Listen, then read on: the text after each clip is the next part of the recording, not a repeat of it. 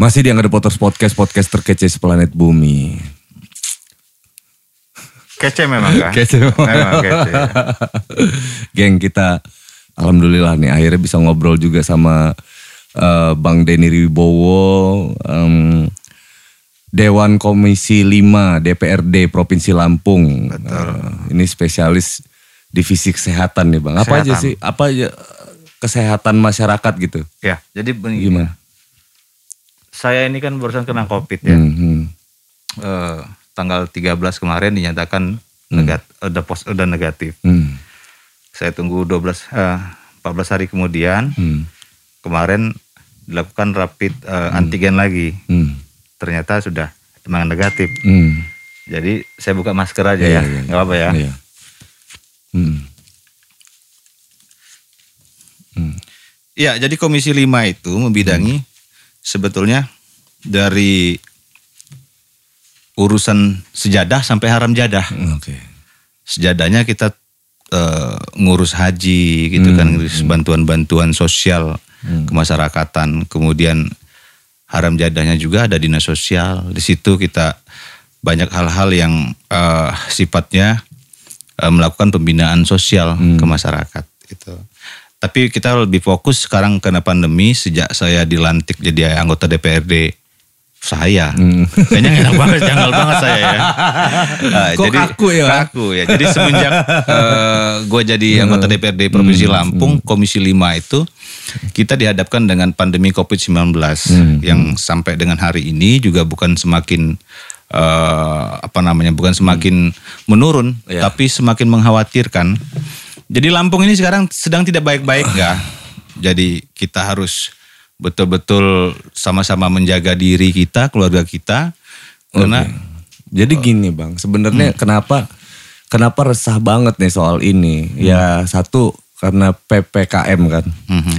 ppkm ini artinya gini, kan gue ini kan tinggal di Jatimulyo, Hmm. artinya ujungnya Lampung Selatan itu, tapi Iya. ber, ber- berbatasan sama ujung Bandar Lampung. Bandar Lampung. Aktivitas kita untuk bekerja itu sebenarnya turun tuh bang sebetulnya, karena kan studio di sini, studio Hmm. di Bandar Lampung, kan dipisah kan rumah tempat tinggal di Jatimulyo. Nah untuk produktivitas bikin apa namanya bikin sesuatu gitu, ya artinya bikin kreativitas ya kan kita bergerak di industri Hmm. kreatif itu pun apa turun. Nah dan gue yakin nih bang, teman-teman yang bergerak di industri kreatif yang lainnya ini sama nih ininya ya. Maksudnya di kita ngomongin Lampung nih bang, Lampung ini jadi jadi kayak gini gitu. Nah kenapa Alhamdulillah nih datang Bang Denny, biar teman-teman juga tahu kondisinya kayak gimana gitu loh. Iya.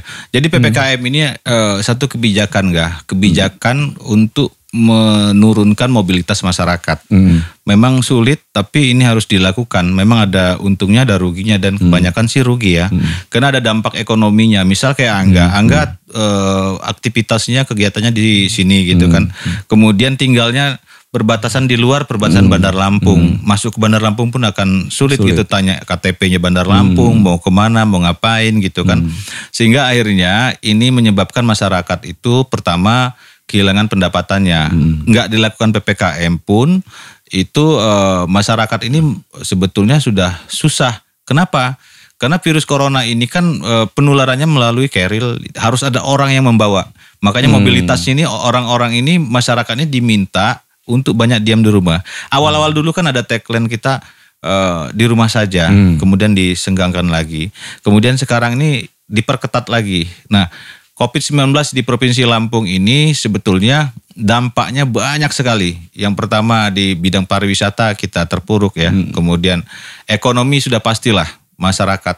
Kemudian eh, kita melihat dari dampak dari masyarakat itu, misal eh, ada anak sekolah yang nggak mampu bayar eh, SPP. Kemudian muncul polemik eh, di dinas pendidikan bahwa seolah eh, di sekolahan itu melakukan pungutan sumbangan. Iya. Nah, ini Iya, polemik. iya, iya. Itu itu ini dampak kita bicara dampak. Kemudian eh, kenapa dampak-dampak itu bisa terjadi seperti itu? Yang pertama, status Lampung sekarang ini ada tujuh kabupaten kota yang eh, berstatus zona merah. Berarti Dari- sudah separuh Lampung sudah zona merah. Nah, zona merah ini diidentifikasi mungkin bisa saja karena eh, kabupaten kota tersebut memperluas testing tracing. PCR atau antigennya Hmm, iya, sehingga iya, iya. cepat menangkap virus itu enggak. Hmm, datanya jadi makin cepat makin banyak gitu ya. jadi Oh. data makin banyak sehingga pusat itu men- menaikkan statusnya menjadi Hmm. eh, status eh, red zone lah ya satu eh, zona merah nah kemudian yang terjadi di Lampung hari ini adalah eh, pertama rumah sakit penuh betul. kedua banyak masyarakat yang melakukan isolasi mandiri kemudian yang ketiga kita defisit eh, vaksin jadi vaksin yang ada di Lampung sekarang ini kita terendah nomor dua se-Indonesia. Pantas ben susah bener kita ini. Iya. Jujur aja bang, gue ini belum vaksin juga faktornya karena itu sus. Jadi ada penjadwalan, tiba-tiba nggak dapat gitu kan. Iya, kalau iya kalau animo masyarakat, kesadaran masyarakat Lampung untuk melakukan vaksin ini luar biasa enggak? Iya, iya. Kita lihat beberapa kali ada muncul hoax kemarin tuh di Pizza Hut kan. Hmm. Itu eh, ratusan masyarakat melakukan kerumunan hanya bing- eh, mendapatkan vaksin, Vaksin. dan ternyata mereka kemakan hoax udah diklarifikasi oleh Polda Lampung. Vaksinasi. Kemudian tingkat kematian kita, Hmm. tingkat kematian di Provinsi Lampung ini urutan nomor 4 se-Indonesia. Jadi karena virus corona ini. Iya, Jawa Timur, Jawa Jawa Timur, Jawa Tengah, eh, Jawa Tengah, Jawa Timur, Jawa Barat, Lampung, DKI.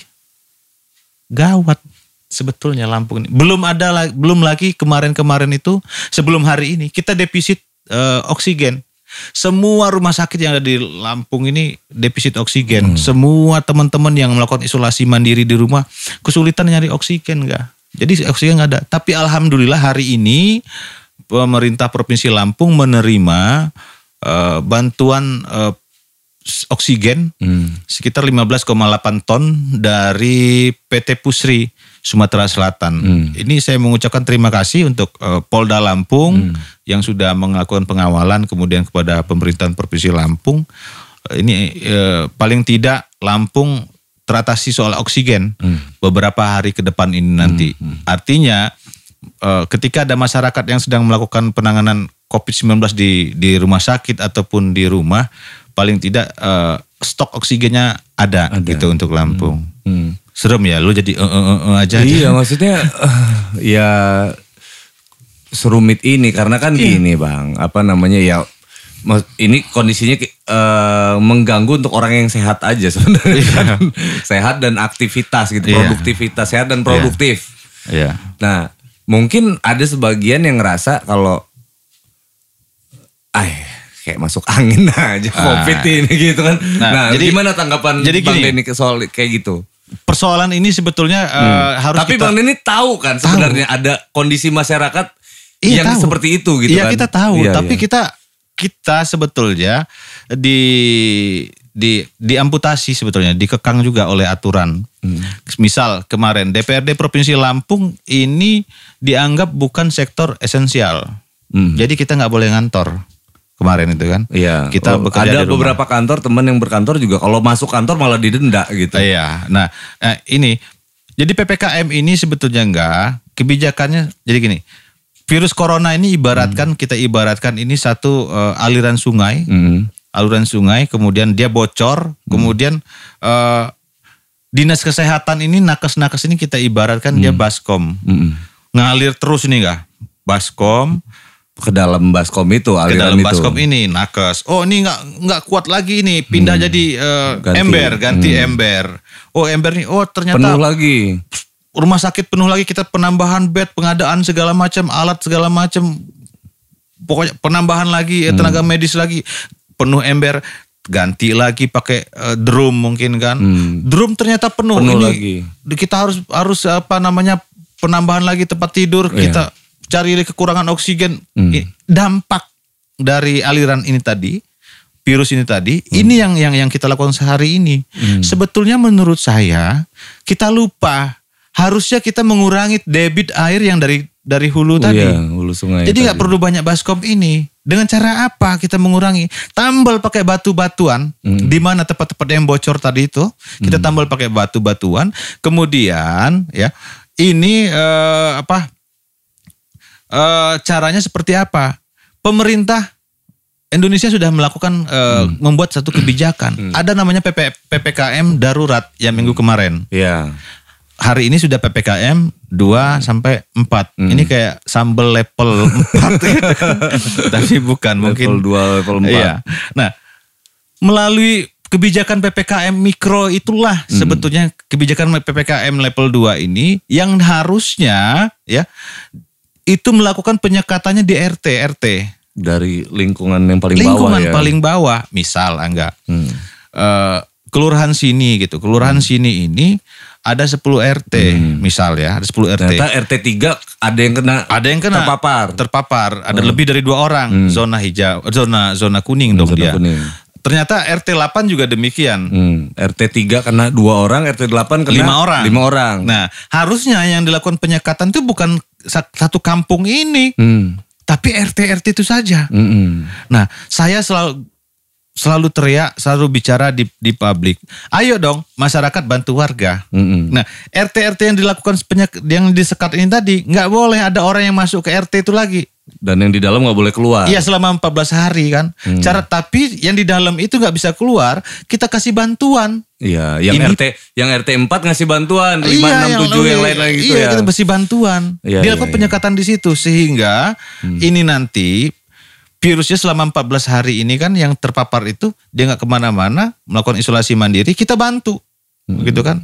Nah pemerintah kan banyak bantuan sekarang lumayan lah ada bantuan lah ya. Hmm. Kemarin ada eh, apa namanya eh, perintah dari Mendagri bahwa melalui APBD Provinsi Lampung kita harus membantu sembako gitu untuk warga yang terdampak COVID-19. hmm. Program-program nasional juga udah mulai cair. BLT atau me- apa, BPNT, bantuan-bantuan sosial yang yang yang sekarang ini sudah sudah mulai keluar mengalir lagi. Nah, artinya kalau kita melakukan penguatan di tingkat RT ini, kita bisa melokalisir nih. Hmm. Sekarang ini enggak banyak warga yang terpapar ya, tapi tidak terdeteksi.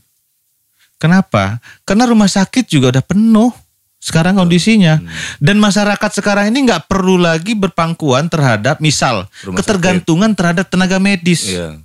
Nggak bisa, tenaga medis juga manusia nggak? Mm-mm. Teman-teman tenaga medis ini banyak juga yang sudah terpapar kelelahan. Mana lagi menghadapi keluarga-keluarga pasien yang Hmm. wajar panik. Hmm. Orang tua, anak, ibu, Hmm. gitu kan. Orang yang kita sayangi wajar panik. Hmm. Sementara ini capek, ini panik gitu. Ketemu, kadang-kadang salah Iya, salah paham. salah paham gitu kan. Sangkain mau marah-marah. Cakain mau marah-marah. Nah, makanya caranya menekan mene- cara menekan menurutku ya. Cara menekan Covid-19 di Provinsi Lampung ini tadi bukan memperbanyak ember-ember ini tadi. Mm-mm. Gentong-gentong ini tadi. Nah kan dari hulunya ya. Hulunya mengu- bagaimana mengurangi debit air Iya, ini iya, tadi. iya, iya, iya. Kalau debit airnya ini kita kurangi, Hmm. Nah ini telepon nih. Oh kirain dari Jokowi mau konfirmasi ngasih vaksin eh, kekurangan vaksin di provinsi Lampung. Nah belum lagi enggak. Hmm. Kita tadi kan masa saya ya, yang gue bilang tadi Hmm. eh, kita hanya menangani akibatnya, Mm-mm. ya kan? Iya. Terpapar kita akibat. Pa- Tapi- pasiennya intinya Iya, kan kayak tapi gitu. tidak kita lupa dengan hulunya. Iya. Bagaimana mengurangi debit airnya tadi? Salah satunya tadi melalui penguatan fungsi. Sekarang ada tim gugus tugas yang di kampung-kampung, kelurahan-kelurahan ada. Hmm. Sampai tingkat RT ada. Ah, ah. Tapi fungsinya yang tidak berfungsi. Malah banyak mungkin ada spanduk saja kampanye. Hmm, Tapi fungsinya harusnya fungsinya dijalankan, disekat dong gitu kan. Hmm. Eh, kemudian warga itu harus diketahui ada berapa ada berapa kakak 300 kakak di RT 3 tadi ya. RT berapa tadi? RT 3 RT 3 sama RT 8. sama RT 8 300 di RT 3 ini itu harus tahu Iya. kondisinya sehat apa enggak atau Malah segimana. ada yang kayak gini bang sebenarnya. Gue pernah lihat eh, RT gua tuh di di Jatimulyo itu sudah melakukan itu sebetulnya bang. Jadi udah kerjasama sama RT gitu ya. Ribut malah warganya pengen keluar. Memang ada ada maksudnya Yang kena. yang nggak patuh juga gitu loh. Iya. Nggak di di di tangga, di tangga gue di RT sebelah tuh ada yang kena. Nah maksudnya eh ya himbauan-himbauan RT ini orang yang di dalam di dalam satu RT itu itu nggak nggak patuh sama sama apa yang udah dirapatin Iya, gitu. sebenarnya Karena ini- memang harus produktif bang, nggak makan nanti ini urusannya kan. Ini yang gitu. sudah kita buat dari DPR. Ada namanya Perda nomor 3 tahun 2020 tentang adaptasi kebiasaan baru. Itu udah sanksi-sanksinya enggak? OTG tadi ya, dia dia dia positif tapi tidak ada uh, Gejala. comorbid, Hmm. gejala lain gitu kan. Dia mau keluar-keluar tuh nggak tidak melakukan isolasi itu bisa ditangkap nggak? Hmm. Dia bisa kena Perda 03 tahun 2020 tentang adaptasi kebiasaan baru. Jelas itu sanksinya. Kalau dia nggak pakai masker gitu di jalan dia bisa ada sanksinya. Kemudian dia juga kalau masih ngebandel bisa kena undang-undang karantina lumayan enam tahun sanksinya. Itu pihak kepolisian bisa tim gugus tugas itu bisa minta bantuan pihak kepolisian. Itu. Nah, di Lampung selain itu juga vaksinasi selain memperkur- mengurangi debit airnya tadi ada vaksinasi. Hmm. Vaksinasi ini bukan anti covid enggak. Nah, iya kan. Nah, tapi karena karena ada ada statement sudah vaksin tapi masih kena covid. masih kena covid, Iya. tapi vaksin ini mengurangi resiko. Misal kalau dia kena eh, apa namanya pak, dia sudah vaksin dia kena covid, Hmm. itu sembuh lebih cepat. Kan Oh. ada lagi ramai juga tuh Rapi Ahmad sembuh hanya tiga hari kena Hmm. kena covid, dia langsung sembuh karena dia sudah vaksin. Iya. Nah vaksin ini sebetulnya membantu itu juga memunculkan imun tubuh kita. Iya, nah tapi masalahnya di Lampung sekarang ini vaksin kita kosong. Makanya Yang tadi. punya makanya ini ini enggak ya? Saya terima kasih nih teman-teman Polda Lampung. Hmm. Ini luar biasa. Mereka punya program dari Mabes Polri dari Kapolri langsung vaksinasi massal. Hmm. Nah ini sudah dilaku kemarin gue ngeliat di Unila eh, vaksin yang kedua dan itu tertib tuh. Mm-mm. Nah seperti itu mestinya. Jadi teman-teman Polda Lampung, Polri dan jajaran di Provinsi Lampung sudah melakukan vaksinasi vaksinasi massal dan itu terus akan berlanjut. Nah mudah-mudahan. Nah sebetulnya ini untuk Pak Joko Widodo nih. Hmm. Pak Jokowi, Bapak Presiden Republik Indonesia yang terhormat, Hmm. eh, kemudian kepada Menteri eh, Luhut Binsar, Hmm. kemudian Menteri Kesehatan, tolong dong, Lampung ini vaksinasinya sangat rendah. Hmm. Kita baru satu juta berapa gitu yang kita divaksin. Kita masih butuh 14 juta lagi, 14 dosis vaksin lagi. Dan ini kita terendah.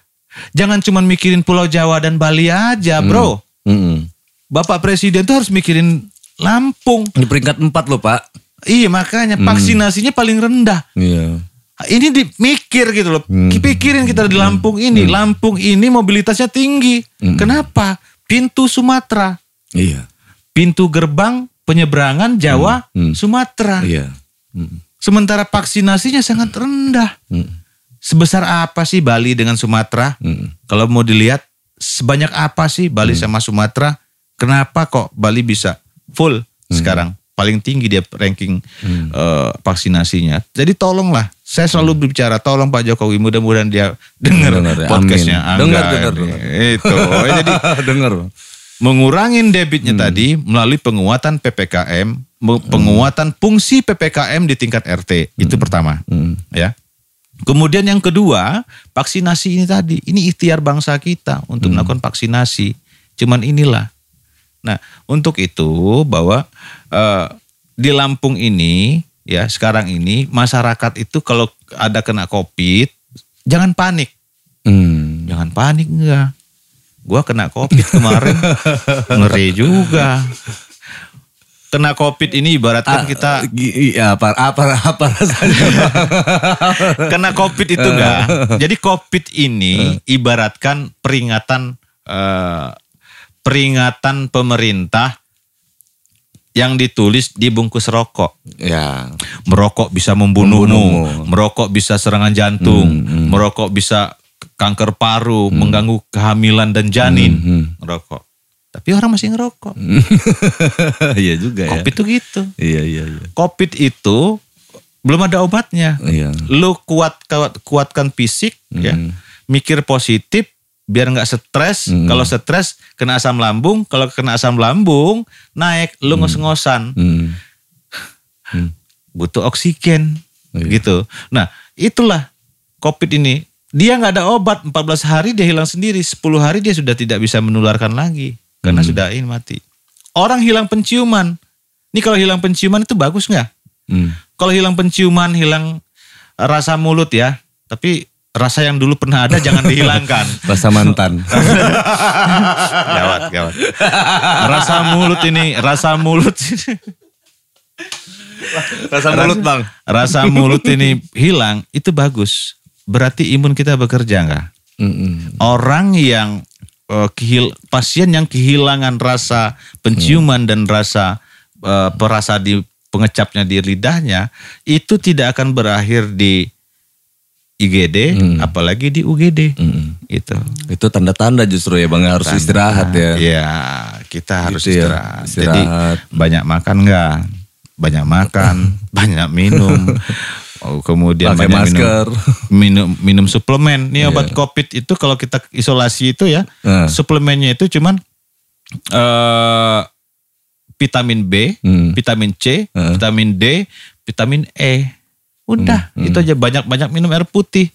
Kalau kita kurang minum air putih, nanti ginjal lu diserang vitamin Iya. tadi. Hmm, hmm. Itu.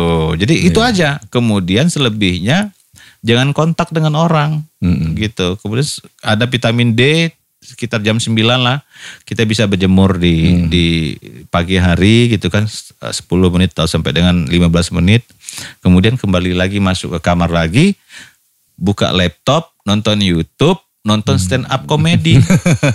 yang lucu-lucu Biar matikan Hmm. handphone dulu ya kan jangan scroll scroll Instagram atau Facebook Hmm. dulu atau Twitter dulu nanti kaget ngeliat innalillahi innalillahi innalillahi. Itu bikin kita drop juga. Iya, iya, iya. Ah, itu itu sebetulnya treatment ya kalau kita isolasi di di Di rumah. di rumah. Nah kembali lagi soal penanganan COVID-19 di Provinsi Lampung. Kita dari DPRD Provinsi Lampung sudah tahun 2020 itu ada dana re- refokus, refocusing 246 miliar untuk penanganan COVID. Dan untuk penanganan eh, COVID tahun 2021 ini ada anggaran 138 miliar untuk penanganan COVID juga gitu. Kemudian sekarang ini sudah eh, sudah mulai turun bantuan-bantuan dari Kementerian Kementerian Sosial untuk masyarakat itu udah mulai turun. Ini mengharapkan dampaknya, dampak dari COVID ini eh, melemahkan ekonomi masyarakat itu bisa membantu masyarakat. Sebulan 300 ribu. Jadi sehari 10 ribu lo makan. Mm-mm. Cukup nggak kira-kira? Nah makanya sebenarnya saya eh, mengajak kita semua untuk melakukan eh, apa namanya eh, gerakan masyarakat membantu masyarakat. warga. Oh masyarakat bantu yang- warga ya. Masyarakat bantu warga, kita bantu warga enggak. Kemudian kalau ada yang isolasi jangan dikucilkan. Yang tadi tempat angga itu nggak benar tuh. Mm-mm. Jangan dikucilkan, nggak apa-apa kok. Saya hari ini berapa kali ada teman-teman wartawan juga yang melakukan isol- isolasi. Saya temuin, kita bawain sayur, kita bawain beras, kita kasih support dia, kita kasih susu, vitamin gitu kan. Ya gitu. Mana teman-teman yang terdampak? Kalau kita punya misal, kita ada uang rezeki dikit nggak? Ayolah kita bantu. Jangan jangan panik. Yang penting jangan panik dunia ini. Kita sekarang bukan hanya di Indonesia, bukan hanya di Lampung, tapi semua. Dan sekarang ini tidak ada yang bisa disalahkan. Mm. Gue juga nggak setuju nggak. Misal nyalahin siapa? Nggak, enggak. Kita semua ini capek sebenarnya. Masyarakat capek, pemerintah capek, DPR capek. DPR apa yang sudah dilakukan selain re- revo- refocusing tadi? Kita sudah mengeluarkan aturan. Yang nakal-nakal ini seperti aturan. Ini Angga ini kalau eh ngeliat di pasar sepi gitu kan. Karena itu aturan ppkm nggak boleh berdagang. Tapi kadang-kadang kemarin pernah sempat viral kan salah eh, paham antara pedagang dengan petugas kan. Betul. nah saya sa- satpol. saya satpol. Saya Denny. Saya Angga. Kami adalah. kami adalah Iya jadi eh, memang betul-betul komplit lah Iya, persoalan ini. Padahal sumber masalahnya cuma covid. Nah covid inilah bagaimana tadi eh, penyelesaiannya mengurangi angkanya itu tadi. Nah selebihnya yang terakhir itu treatment. Jadi kita bisa mengurangi debitnya melalui penguatan PPKM yang ada di RT, ya kan? Fungsi PPKM yang ada di RT itu kita kuatkan gugus tugas yang ada di kampung-kampung. Yang kedua tadi vaksinasi, Mm. kemudian eh, treatment. Treatmentnya itu salah satunya ketersediaan oksigen, ketersediaan obat. Obat susah nih. nyari obat sekarang ini. Eh, suplemen untuk masyarakat gitu kan.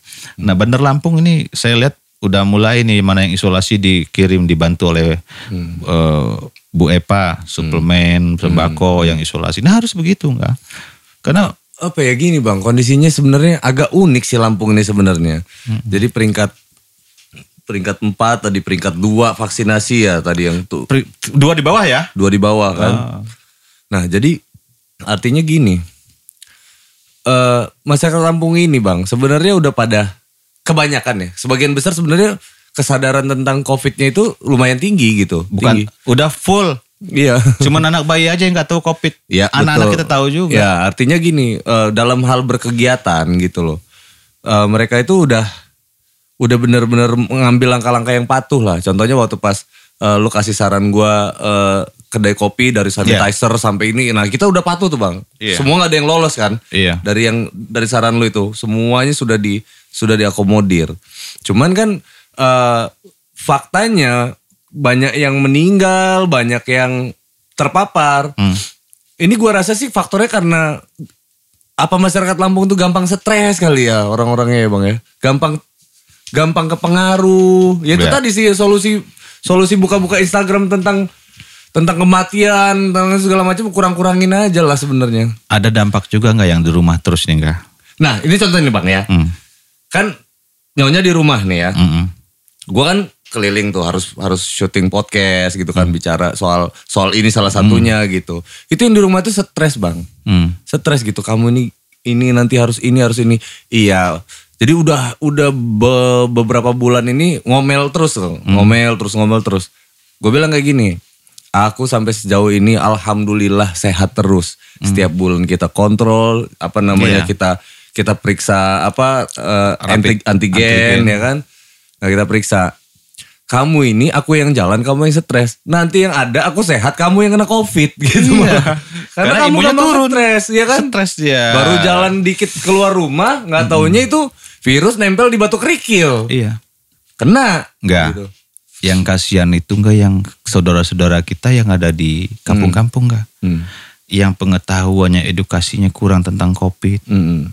Yang tiba-tiba dia meninggal, dia dikiranya badan badannya cuma demam-demam saja, flu-flu biasa kan itu kan eh tanda-tanda covid itu kan dia demam, flu, kayak bindeng hidung gitu kan. Lama-lama langsung yang lama-lama pembuluh darah tersumbat. Iya, dua tiga hari itu enggak Eh.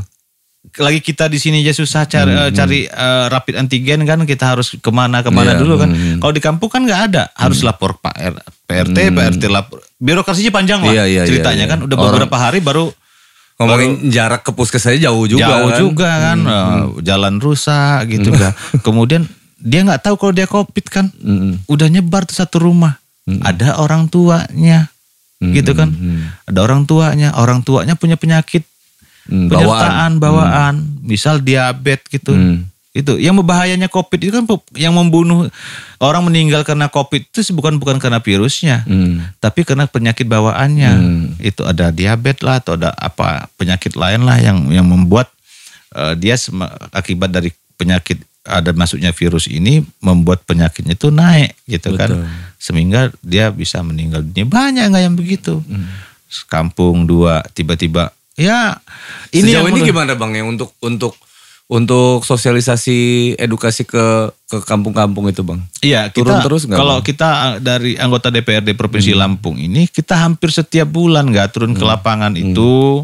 Kita berbagi juga dengan tem- dengan masyarakat. Kita memberikan edukasi masyarakat tentang COVID. Capek hampir dua tahun ini ngomong kopat covid kopat covid terus kita di masyarakat ini. Tapi ya Ya Iya, tetap iya. aja ini nggak bisa nggak bisa eh, kita bendung. Nah tapi salah satu yang saya gua sebut tadi itu ya itu tadi caranya Hmm. mungkin satu-satunya begitu nggak. Nah sekarang ini kita membutuhkan eh, gotong royong kebersamaan masyarakat membantu warga. Nah di tengah sulitnya obat Hmm. kemarin kemarin oksigen ya kurang Eh, rumah sakit penuh sekarang ini banyak pasien yang yang yang yang daruratnya statusnya tinggi lah gitu kan. Nah ada lagi nggak kerjaan gue nggak? Dengan teman-teman eh, namanya Forum Rescue dan Relawan Lampung. Oke. Ini banyak, gue ini banyak ulas sebenarnya kan. ada gua, ada gua di situ, ada uh, ada Dokter Jihan juga dari anggota DPD RI, ada ada teman-teman polisi juga, ada teman-teman dokter juga di situ. Kita sekarang ini tadinya kita kebencanaan salah Oke. satu kegiatannya eh, kegiatan sosialnya. Sekarang kita lagi gencar-gencarnya melakukan eh, kampanye bagaimana kita memperoleh eh, pendonor plasma kon convalescent. Convalescent. Apa itu bang? Convalescent itu darah eh, mantan eh, COVID yang sudah sembuh ya selama 12 hari dari dia dinyatakan sembuh itu dia darahnya itu dibutuhkan. Karena dia sudah mengandung eh, Imun. imun, Hmm. itu dibutuhkan oleh pasien yang darahnya sama. Misal angga darahnya A gitu kan? Pasiennya darahnya A. Dia kritis gitu kan? Perlu darah biar cepat dis- dibantu imunnya pakai darah angga. Oh, Nah. itu berdarah apa tadi namanya? convalescent. Convalescent. convalescent. Nanti kapan-kapan ini bisa di dibahas khusus. Nah Iya, iya, iya. ini salah satu ikhtiar kita juga. Mm, mm, mm. ya ini menarik ini bang. ini, menarik banyak nggak permintaan itu banyak sekali nggak? Di Lampung ini nggak? Permintaan itu banyak sekali. Tapi eh, pendonornya sedikit. Mungkin takut nggak enak malu mungkin kena covid ya. Jadi gua- gitu, gue tuh gini bang. Sebenarnya kan ada ada ada ya konspirasi itu udah mungkin udah hampir setahun ini dibahas gitu kan soal vaksin, bahaya vaksin Bahaya dan lain-lain kan itu kan gitu kan. Nah artinya gue karena belum vaksin, banyak teman-teman bilang gue ini anti vaksin gitu. Wah nggak belum vaksin gitu. Nah jadi geng gitu kan, kalian dengar sendiri ya kan. Di Lampung ini memang susah kan gue udah Eh, jelasin ada itu bang. vaksinnya Memang gue udah gue udah bilang, gue ini udah daftar, gue bilang kan, penuh, penuh. Ya nggak bisa lah. Eh pelayanan itu, gue bilang pelayanan kesehatan terutama untuk vaksin, nggak bisa kita gabungin berbondong-bondong. Gue bilang memang Nggak ada bisa. jatah satu vaksin jumlah vaksin. Iya. Yang kedua kalau ataupun ada vaksinnya, itu tetap aja ada zona waktunya karena kita ngomongin gelombang-gelombang selanjutnya nggak bisa kita langsung gituin. Jangan-jangan sebelum vaksin udah kena covid semua orang-orang itu nantinya kan. Iya.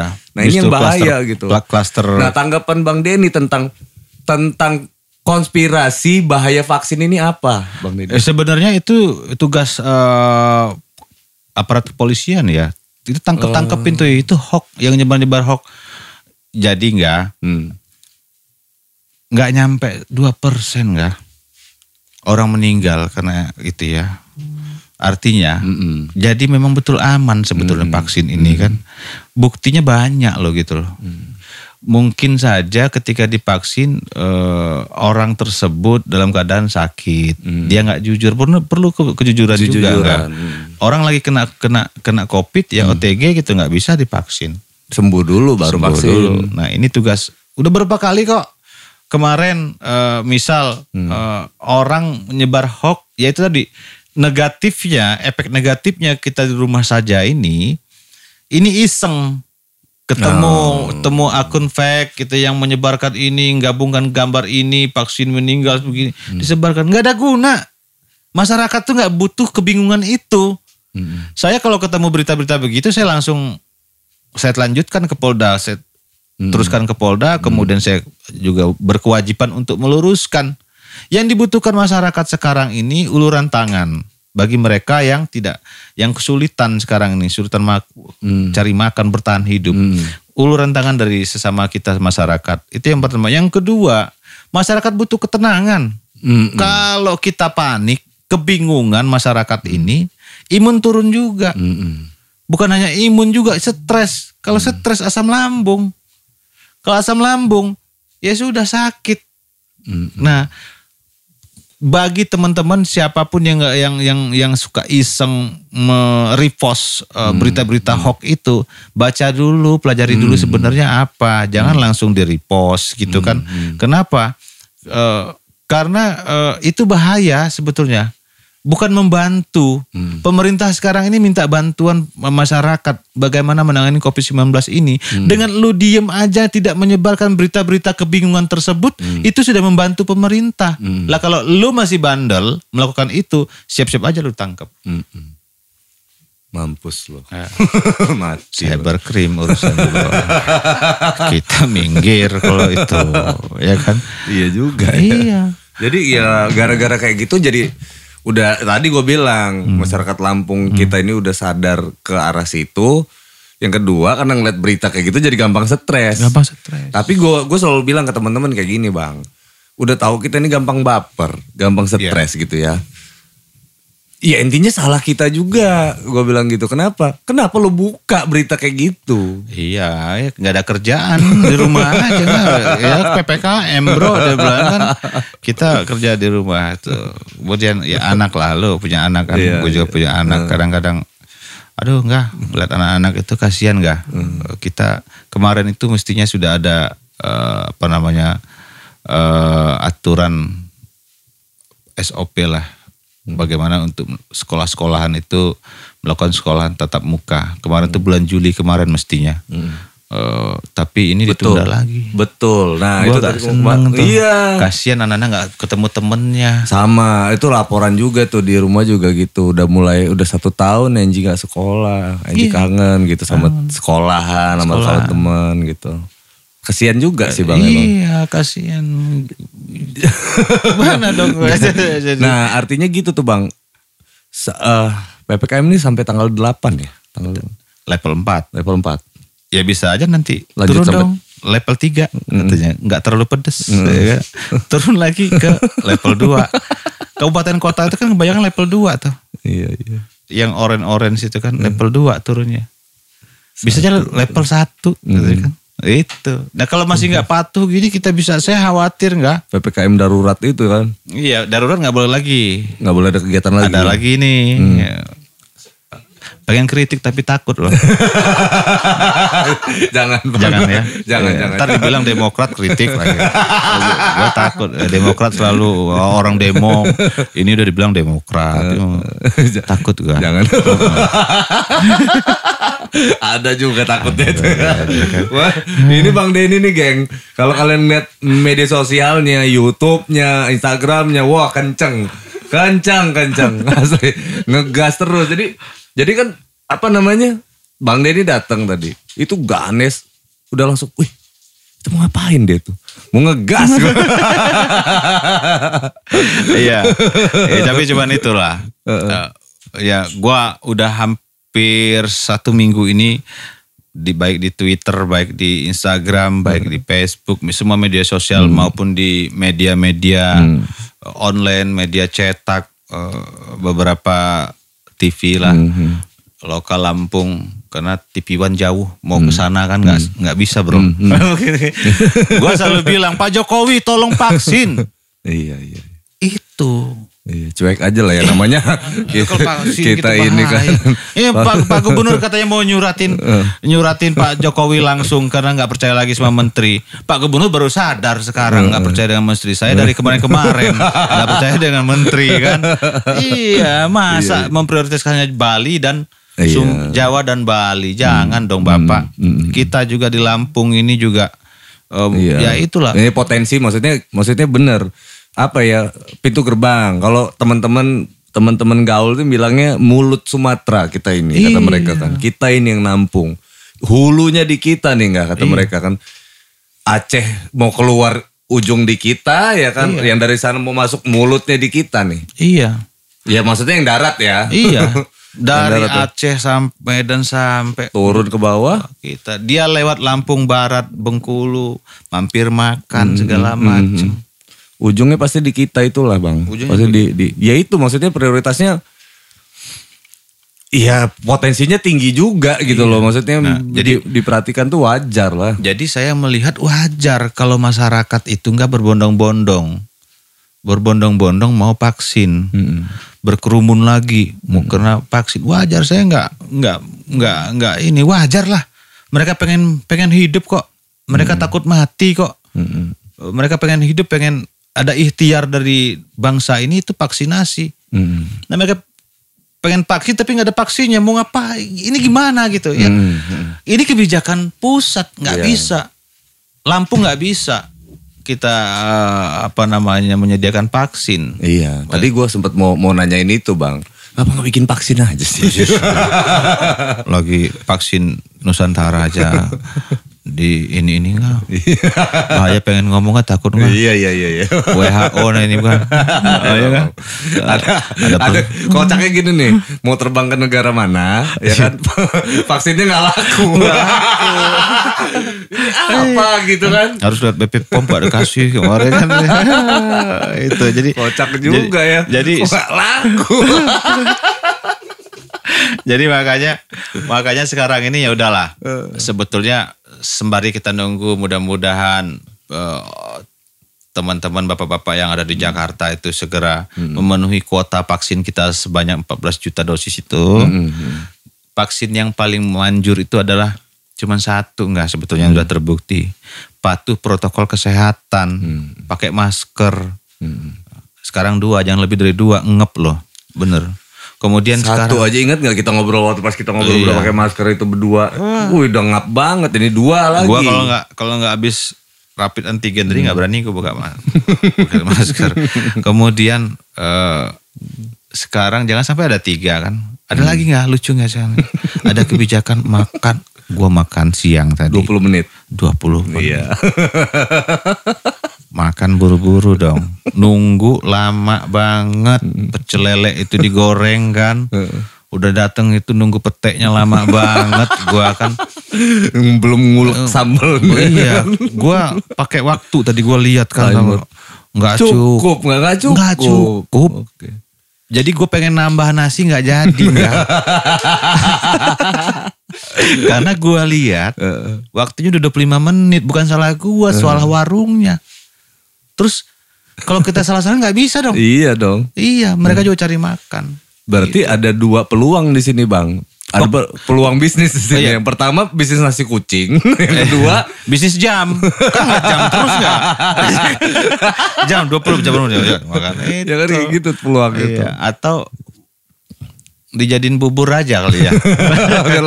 Minumnya pakai makannya pakai sedotan. Selesai gitu. Gak usah ya. dikunyah. Dan nggak boleh ngobrol. Hmm, hmm, hmm. Ya gitu kan. Nggak boleh ngobrol, ya kan. Nggak boleh ketawa. Fokus makan pokoknya. Fokus makan 20 menit, selesai nggak selesai 20 menit. Dikumpul. Piringnya Kayak diambil. bawa bini. Kalau bawa bini makan karena nggak boleh ngomong. Hmm, hmm. Itu. Maksudnya ambilin kobokan. nah bang. Ya. eh, ini kan gue ini kan pelaku seni lah musisi ini bang di Lampung nih ada teman-teman musisi saat ini yang musisi daerah ya terutama musisi lokal. Ya gue pun sama eh, pengangguran juga kan saat ini. Dan tadinya kan waktu pas zona sebelum ppkm ini kan psbb itu adaptasi kebiasaan baru itu masih tempat-tempat beberapa kafe-kafe itu ada masih ada tuh masih bisa live musik tuh bang. Iya. saat ini mereka tuh jadi rajin datang ke sini itu isinya curhat terus karena nggak nggak ada nggak ada bener-bener nggak ada pemasukan sama sekali gitu. Iya. nah yang gue perluin di sini bang tolong disuggest kalau punya ide gimana bang? Suggest ke teman-teman apa sih sebenarnya yang harus mereka lakukan kayak gini? Karena otaknya kan sebenarnya kan gini loh bang hari ini main ngamen kan statusnya gitu kan ngamen di kafe mana. Eh, belum belum sempat mikir rencana ini udah ada PR lagu lagi. Jadi kayak kerja jadi kayak kerjaan rutin aja. Tiba-tiba dihantam dengan kebijakan pemerintah deng pusing Pusing. Dateng. Nah, gimana teman-teman ini bang? Gimana tanggapan bang Denny juga soal? Dateng ke DRB Rekod. Bikin karya dong. Oh iya dari record. iya, gratis tuh untuk anak Lampung. Iya, iya, Enggak, iya. Eh. sebetulnya iya, keluhan ini enggak. Hmm, Sebetulnya se- ini sektor, Hmm, sektor, sektor. sektor se- kes- eh, orang yang hidup dari eh, Musik. musik, Hmm. seniman gitu kan. Ini banyak sekali enggak yang yang terdampak ini enggak gitu kan. Nah, untuk itu sebetulnya saya punya saran sih kalau bisa teman-teman itu ber, berkarya aja. Iya. Bikin lagu banyak-banyak. Nanti Hmm. setelah pandemi kita hajar lagi. Jadi sekarang ini Angga ini saya perhatiin nih eh, YouTube Hmm. Podcast. podcastnya Angga ini ini luar biasa Oh, sebenarnya. bang gua. Denny nonton juga Wah, ternyata ya. nonton terus gua. Dia selalu bunyi tring. Gua buka kan. Sebenarnya yang Hmm. yang yang Angga ini sudah mengkonsolidasikan para eh, musisi-musisi Lampung, orang tua. Gua gua ngeliat yang masih eksis eh, di musik ini Angga ini salah satu di orang Lampung Angga. Ya. Pokoknya naik nggak naik maju terus kita konsisten. Karena kita bicara selain bicara ngobrolin sekedar AdSense YouTube, Bang.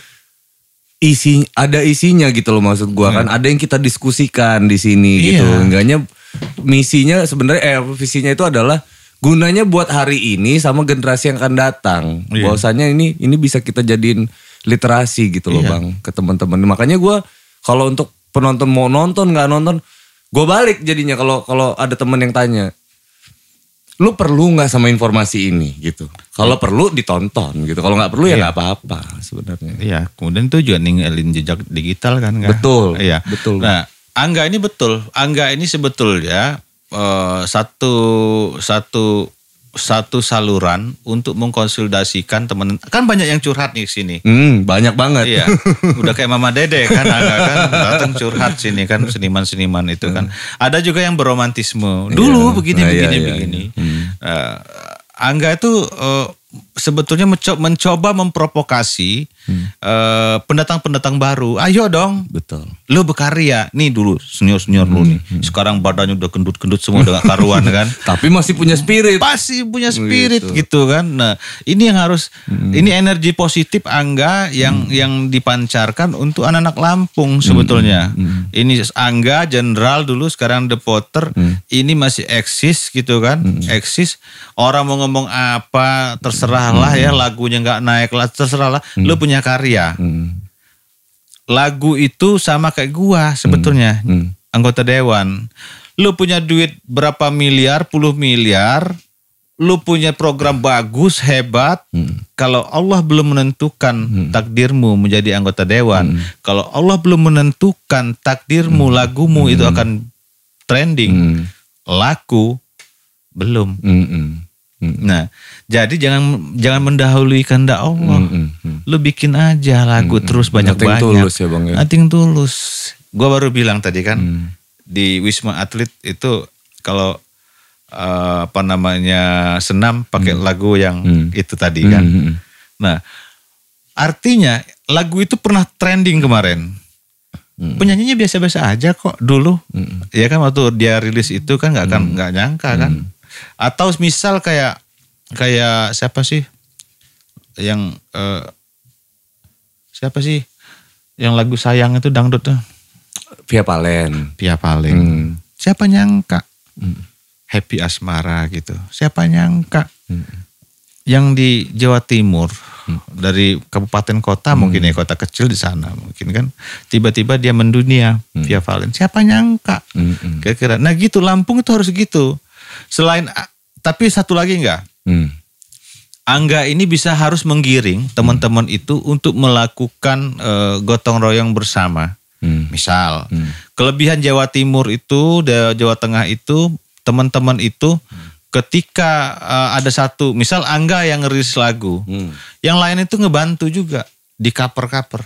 Hmm. Hmm. Lampung nggak ada nggak? Lu baru rekaman sekali dua kali punya lagu punya lagu sendiri, udah mulai tuh sindrom. Hmm. Hmm. Artis gua masuk YouTube topik itu udah jadi artis gua. Nah, gitu. nah itu itu yang menghancur. Nggak boleh. Ngancurin mental itu bang. Menghancuri mental kita. Akhirnya apa? Kalau udah, ayo buat lagu lagi banyak lah lagu itu ya yang bisa kita buat kan. Ya, tar, sok, besok, tar, sok, tar, besok, besok. Baru punya lagu satu dua lagu, Hmm. udah susah gitu. Nah, konsisten dan eh, konsisten yang tadi. Hmm.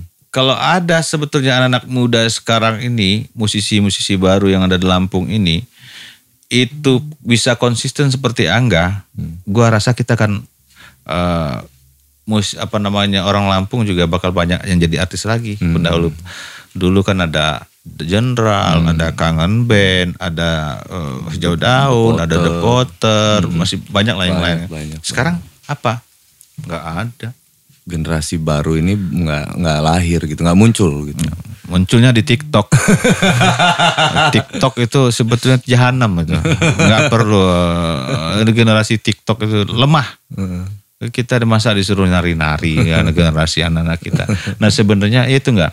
kayak gua gitu gua nggak ngerti musik main musik gua nggak ngerti Eh, gitar juga nggak nggak ya nggak bisa lah gua gua bikin studio studio gue bikin itu studio recording. Lengkap izinnya ada. Mm-mm. kemudian kemudian kita publishing juga gitu kan. Mm. kenapa gue bikin begitu? Karena gue pengen anak Lampung itu kembali lagi muncul. Mm-mm. muncul. Dan itu gue gratisin nggak? Mm-mm. yang mau recording tapi dia upload di YouTube-nya DRB Record ya kita gratisin untuk anak Lampung. Produksinya kita gratisin. Mm. Eh, itu kalau eh, apa namanya bikin video klipnya kita gratisin Mm. kalau lagi di studio pas jamnya makan siang kita kasih makan Mm-mm. dia cuma bawa materai aja kok Mm-mm. tanda tangan kontrak Mm-mm. itu karena gue pengen semangat gue itu gue pengen anak Lampung ini muncul lagi ngikutin Andika, Angga, eh, Kiki. Kiki, ke- Dide, eh, yang teman-teman yang 2010 lah munculnya. 11 tahun, berapa tuh? 12 tahun ya? Satu dekade lebih lah. Nggak ada kan? Mm-mm. TikTok ada. Gitu. Atau yang cover-cover ada banyak. Itu mah bukan seniman kalau yang cover-cover menurut gua. Yang seniman betulnya dia punya karya lagu sendiri. Betul, betul karya. Lampung itu masih krisis itu gitu kan. Sebenarnya pas Tuh gue suka banyak. tuh bahasanya tuh. Lampung krisis itu bang. Itu kenapa yang mendasari keresahan tadi gitu kan. Mana nih gitu kan. Mana nih satu dekade gue tunggu nggak ada juga gitu kan. 10 tahun gue tunggu nih. Nggak ada. Nggak ada gitu. Nggak ada yang muncul. Nah makanya ini tugas Anggas. Kalau gue pikir gini nggak. Eh. Podcast lu ini harus dikembangkan lagi nggak? Mm-mm. Lu harus kembangkan podcast ini jadi misal TV digital. Mm-mm. Isinya ada podcastnya tentang musik tentu masih ada juga. Harus ada tentang news juga ada berita-berita baik berita musik berarti berita yang ada di Lampung. Ada juga yang eh, konten gaya hidupnya gitu kan. Kita bisa ambil eh, promosi wisata promosi makanan-makanan khas Lampung. Ini harus dikembangkan kan enggak Mm. misal ada ada konten di pod, selain podcast kan ada entertainnya. Mungkin kita bisa bikin angga bisa bikin eh Sama teman-teman lah ya. iya misal orang sekarang ini anak-anak sekarang ini rindu sangat dengan festival musik. Mm-mm. gue kebayang loh nggak ada kita ada panggung konser virtual Mm. kemudian kita bikin festival musik gitu kan. Mana yang bagus-bagus ini kita fasilitasi kita kasih reward hadiah mungkin piagam ya kan dengan juri yang memang betul berkompeten di situ kan. Kemudian nanti kita rekam. Mm. Kita rekam kita rilis Ini pengen gitu loh paling tidak dia angga itu udah bisa eh, memunculkan angga-angga yang baru Ya di benar Lampung. itu bang. Sebenarnya tujuannya adalah kenapa ya mau cari fotokopian kayak angga gini gitu. Iya. Nah ini ini ini, ini gitu kan. Padahal kan, gitu kan. padahal kurang apa lagi Lampung. Mm-mm. Semua senior senior itu, ya, Babang Tampan udah pernah sini kan? Belum. Belum. Nanti dia Babang harus- i- udah udah Ada mau- schedule dia. udah. Lambe Tura ya. Anda nonton Lambe Tura Eh, deh. Babang. Ini saya nggak ngundang-ngundang kemarin tadi pagi gue bilang lu gitu ya nggak ngundang-ngundang gue belum nikah bang baru tunangan dalam hati udah kayak bujang aja gitu kan. ini senior senior Iya, udah iya. bangkit Iya iya iya. senior senior tuh udah tampil Iya. Jadi anak-anak Lampung itu harus eh, muncul gitu. Senior-senior ini sudah memotivasi. Betul. Gua dulu nggak oh, berangkat ke Jakarta naik bus gini.